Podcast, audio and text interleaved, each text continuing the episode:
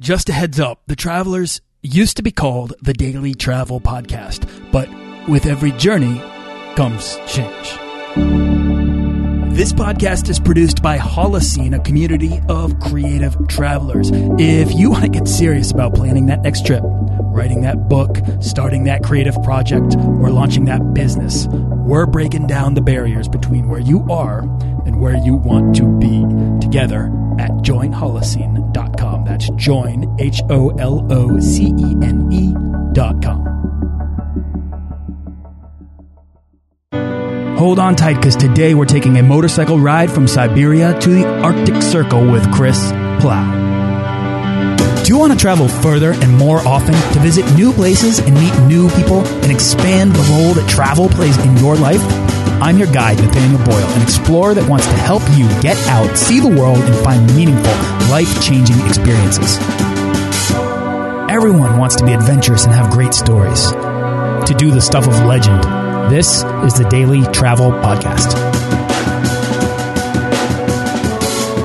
Okay, explorers, here's the thing. Podcasts really need your input, particularly your reviews. And if you could leave me a review on iTunes, I would love you for it. I'll even try to feature your review right here on the show. So feel free to ask any travel question or leave your best travel tip, and I will do my best to get it featured on an episode of the Daily Travel Podcast.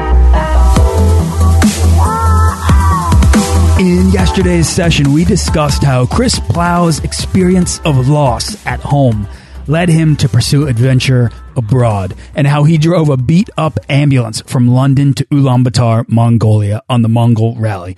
If you're seeking more adventure in your life and to take that unconventional step and finally take that trip or have that experience, Chris is a great example of making travel a greater priority in your life and the redemptive and restorative aspects of adventure. Have a listen to part one if you haven't already, or sit back and enjoy part two of my conversation with Chris Plow. All right, now, Chris, let's springboard ahead to Siberia and driving from Siberia to the Arctic Circle. What compelled you to take this journey? And uh, I need you to take us there and tell us the story that you told, you know, that you already told me at the World Domination Summit and the rest of the audience that was sitting there.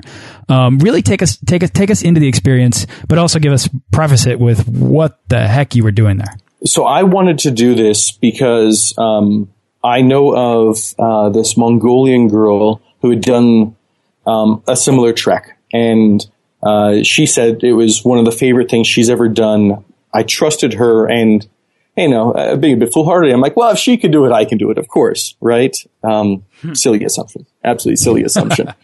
um, but uh, so, so I wanted to do it, and it's also on a motorcycle. I love motorcycles, and I'd never driven one with a sidecar, so it's just a whole new experience. Uh, it was going back to Russia, which I love.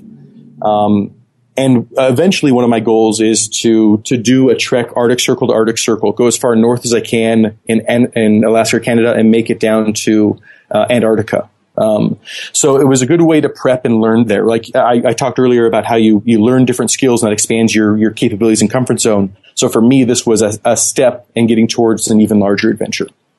And so you know, finding out if I could survive that. And so you uh, we arrive there, and where you start from is this place called Irbit and it's where they make the Ural motorcycles, the, the motorcycles that we were, were taking. Uh, they make new ones there, of course, and we were taking old um, clunkers.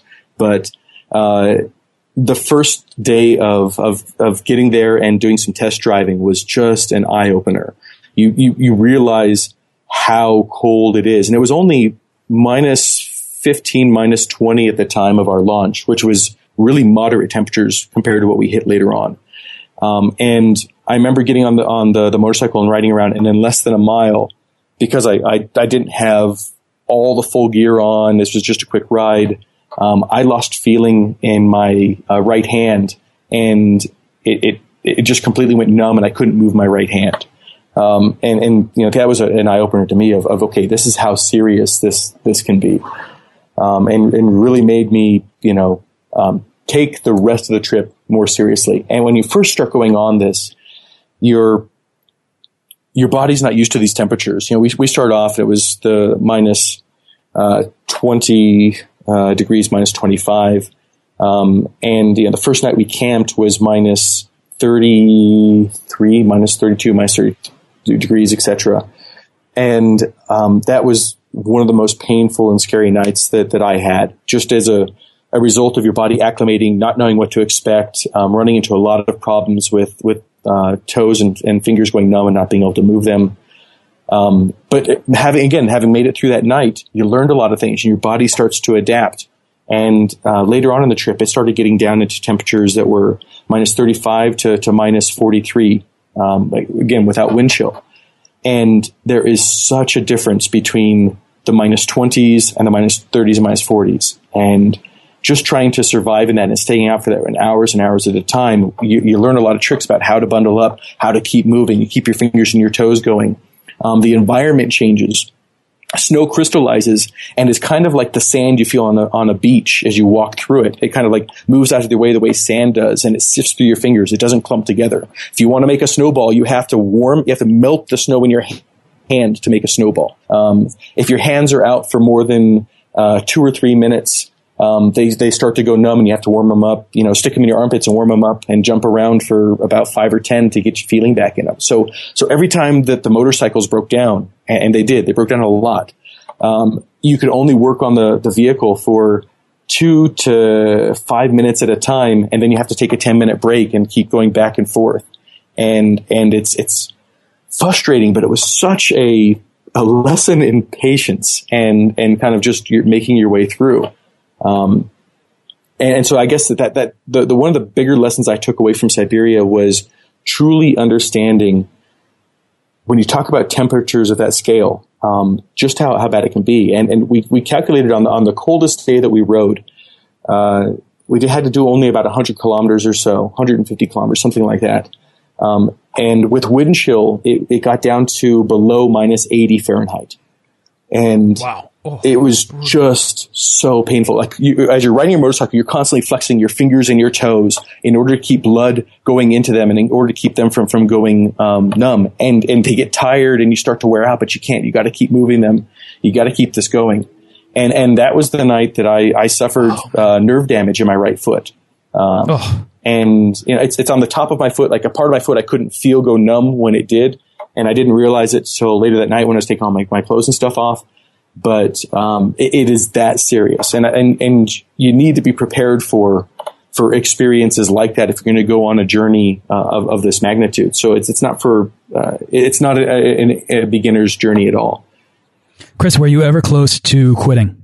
I mean, when you get you you know you have you can't feel your hand one day, you're in this extreme cold, and eventually you actually do physical damage to yourself. Did you ever say, maybe I should change my mind? Um, I have a hard time with that. So, so one of my flaws, and it truly is a flaw, is that when I commit to something, I have a lot of difficulty in pulling myself away from that commitment. Now, I can find alternate ways to get there, and I can be flexible and adapt to situation. But that that goal is a goal, and I'm like a pit bull, kind of like wrangled onto it. So, um, no, no, I, I didn't. Um, and and there are times when maybe I should have. You know, later on the trip, we we um, we got food poisoning and we were laid up. We were we were a day's travel from the end of of having this all over, and we were laid up for a day and a half trying to to recover from food poisoning. Um, and at that point, honestly, what we should have done was just find somebody local, find a truck who was going to ferry us to the end, and be done with it. Um, but when you start on one of these journeys and and you you are enjoying yourself. Like even though I talk about this being painful and cold and, and dangerous, I loved it. Like I like I, I it's one of the favorite things I have ever done because it pushed my limits. I had to be so aware of everything going on around me, and um, I have this feeling of accomplishment having completed it. But but not just that the people that you meet along the way in these really harsh environments are incredible. So, you know, we, I've talked only about my experience so far, but we met people along the way who, who took us into their homes, who fed us warm meals, who, um, who looked after us. Um, I know of another gentleman who was, who was going and he went, uh, separately than, than, we did, but he ended up having an accident and, and breaking his leg, um, like a real nasty compound fracture. And the mechanic at the town um, uh, before then, about 50 kilometers back or something like that, the mechanic that he had met and had helped him with his vehicle left went up and met him at the hospital, acted as his translator, made sure that he was everything was okay, that he was being taken care of. Like people just went so out of their way. Um, when you're broken down on the side of the road, like the, the number of people who stop just to say, you know, see if you're okay, um, are are amazing. And I, I, found the same thing in the Gobi Desert. And what I think happens is in these really harsh environments, there's no AAA, there's no official safety net. So so it, people are like the informal safety net that's there, and you know everybody's going to break down at some point. Everybody's going to need help at some point. So you have to kind of put into um, into the jar if you want to be able to take out from it someday. So everybody's willing to stop and help because someday they're going to need somebody to, to stop and help them. Um, and it is so incredible. Like it gives me such a feeling for humanity and, and, and how good people are. Um, and, and, that was another reason it just became my absolute favorite adventure. Love it. Unbelievable. Unbelievable. Chris, are there roads all the way up from Siberia to the Arctic Circle? Um, mostly. Uh, so, and it's actually, unfortunately, it's starting to, to change now. So when you, when you leave Irbit, uh, a, a few miles north of there, you have a choice of going west or east. And on the west, it's it's paved roads, and you can take paved roads until you get the, to the Zimnik. The Zimnik is the ice highway that they carve across all of the, the lakes and rivers and streams um, up into the Arctic Circle. Um, and if you go the eastern route, uh, it's it's really more kind of like back roads, uh, kind of like like somewhat plowed dirt trails and stuff that, that would be there in the summer. And it's a much more difficult ride. Um, but unfortunately, on the eastern route, they're starting to to build larger roads um, uh, that are going to replace all of those old, difficult, fun, like like just adventurous dirt roads that they're, that are there. So it's rapidly changing. And then when you get north and you, you meet up with the Zimnik, because both of those paths meet up at the Zimnik, the Zimnik is what I learned, the, the kind of the lifeblood of that whole area in Siberia. Um, so it's they plow these roads across the uh, the lakes and rivers and streams, and they're they're pure ice. You know, just pure ice, really slick, difficult to be on, but a lot of fun. Oh. And, and and the people there love them because in the winter when those ice roads exist, and in the summer when they can get barges through, that's when they're able to get supplies. In the fall and the spring, when things are kind of like mid thaw or or mid freeze, um, they don't have access and they run out of food, they run out of fuel. Like life is really difficult. So for them, winter is actually a time of plenty because you can get more access to more things. Um, it was a great learning experience. Unbelievable. So how did you press on taking taking us back to the story? How did you press on despite having nerve damage in your foot? Um, so uh, I was fortunate in that in my foot it was the top of my foot, so I, it didn't affect using my foot. It was just you know nerve damage that that is is still with me.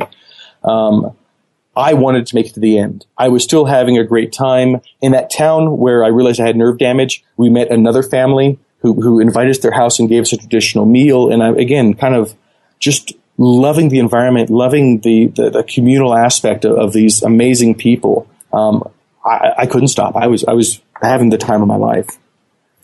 So did you make it all the way to the Arctic Circle? Did make it all the way to the Arctic Circle. Yes, I did. And there, there's a monument. So Salekhard's the only town uh, in the Arctic Circle in the world, and there's a monument that they have of of where the Arctic Circle actually begins. And uh, I loved making it there. It was it was difficult because, like I said, it was colder than we expected. It was only supposed to be in the minus 20s to, to touching maybe minus 30.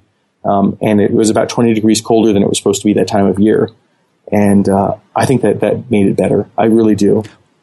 What's it like up there? Can you describe the scenery? Can you describe the landscape? Oh God, it's gorgeous. It's um, so it's it's a bit desolate because because you're traveling around, especially when you get to the, to the Zimnik, you're traveling around basically on huge lakes. So imagine being in the middle of the lake and there's there's nothing. It's just flat and you see nothing but snow.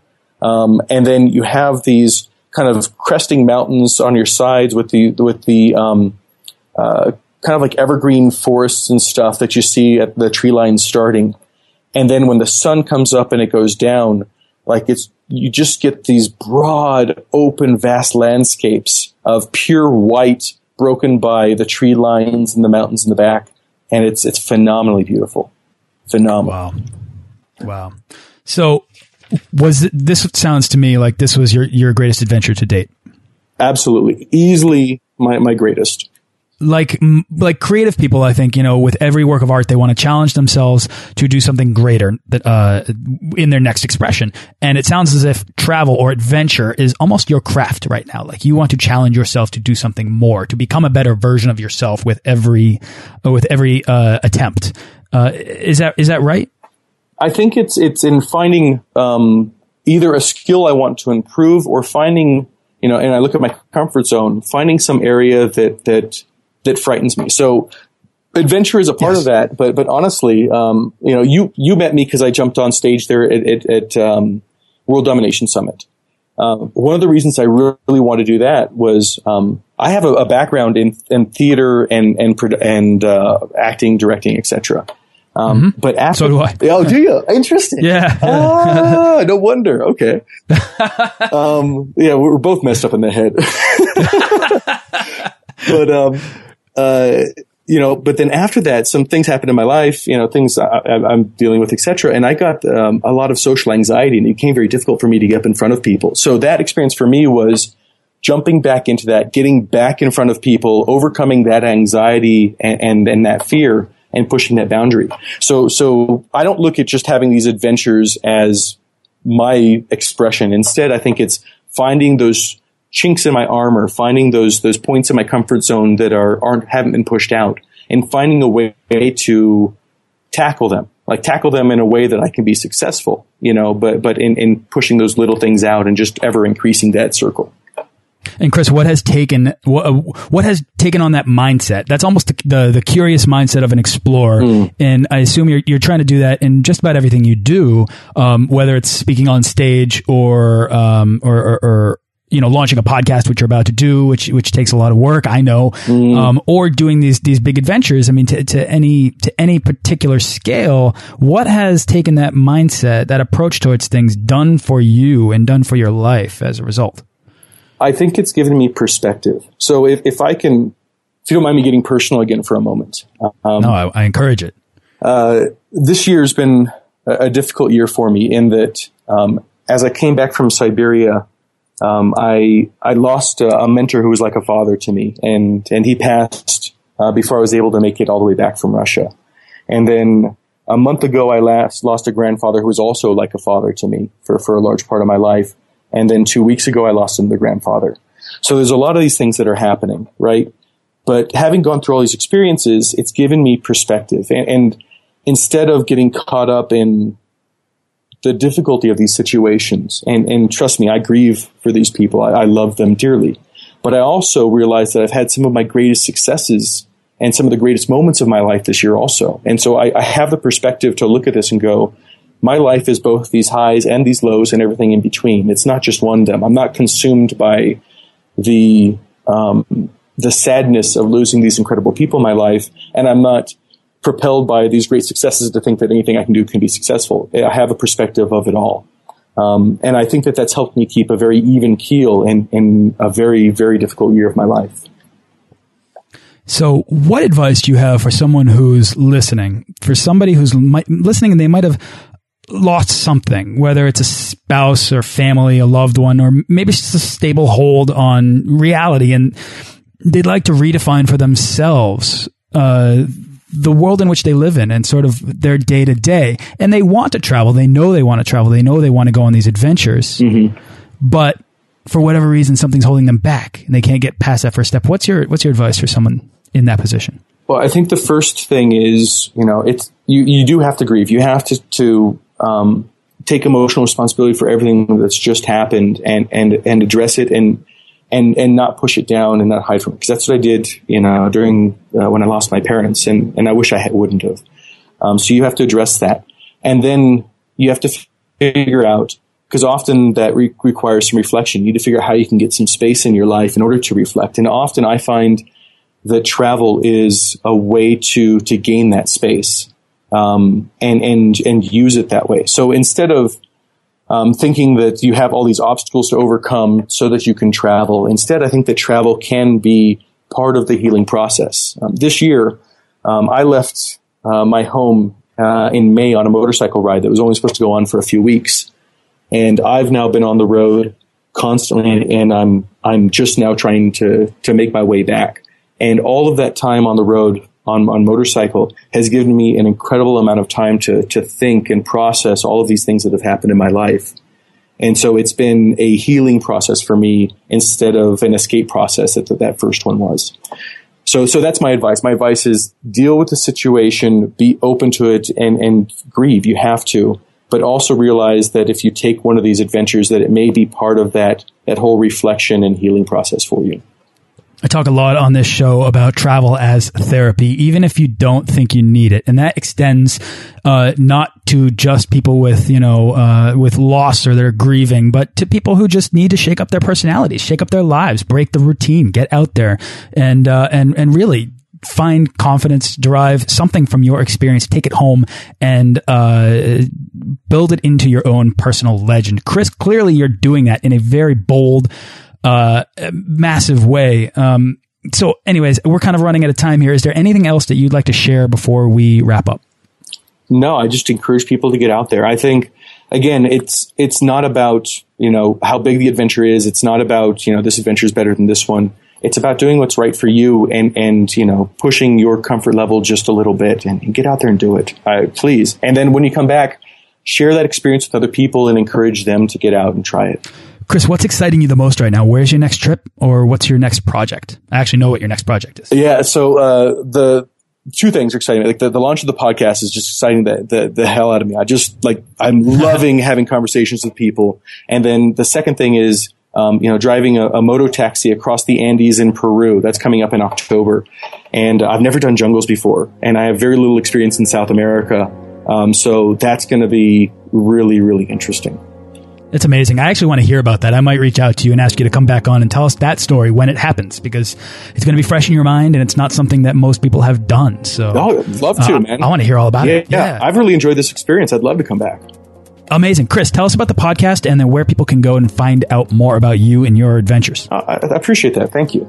Um, so the podcast is called Oznog Down the Rabbit Hole.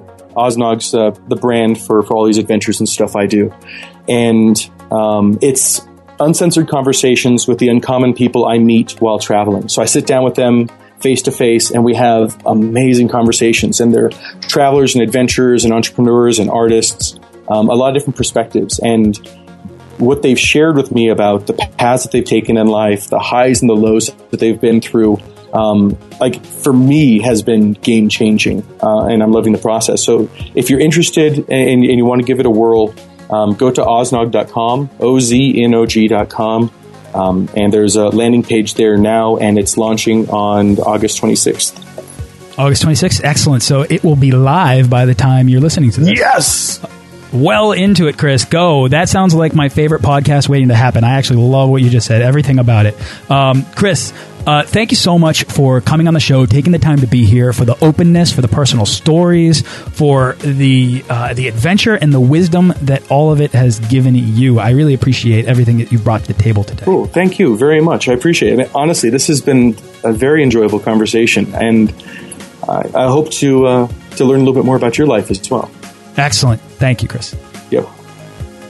Thanks for listening to this episode of the Daily Travel Podcast. For show notes and links to everything in this episode and more, head on over to dailytravelpodcast.com. Join our Facebook page of explorers and subscribe to our newsletter for the best deals and resources to help make your next trip life changing.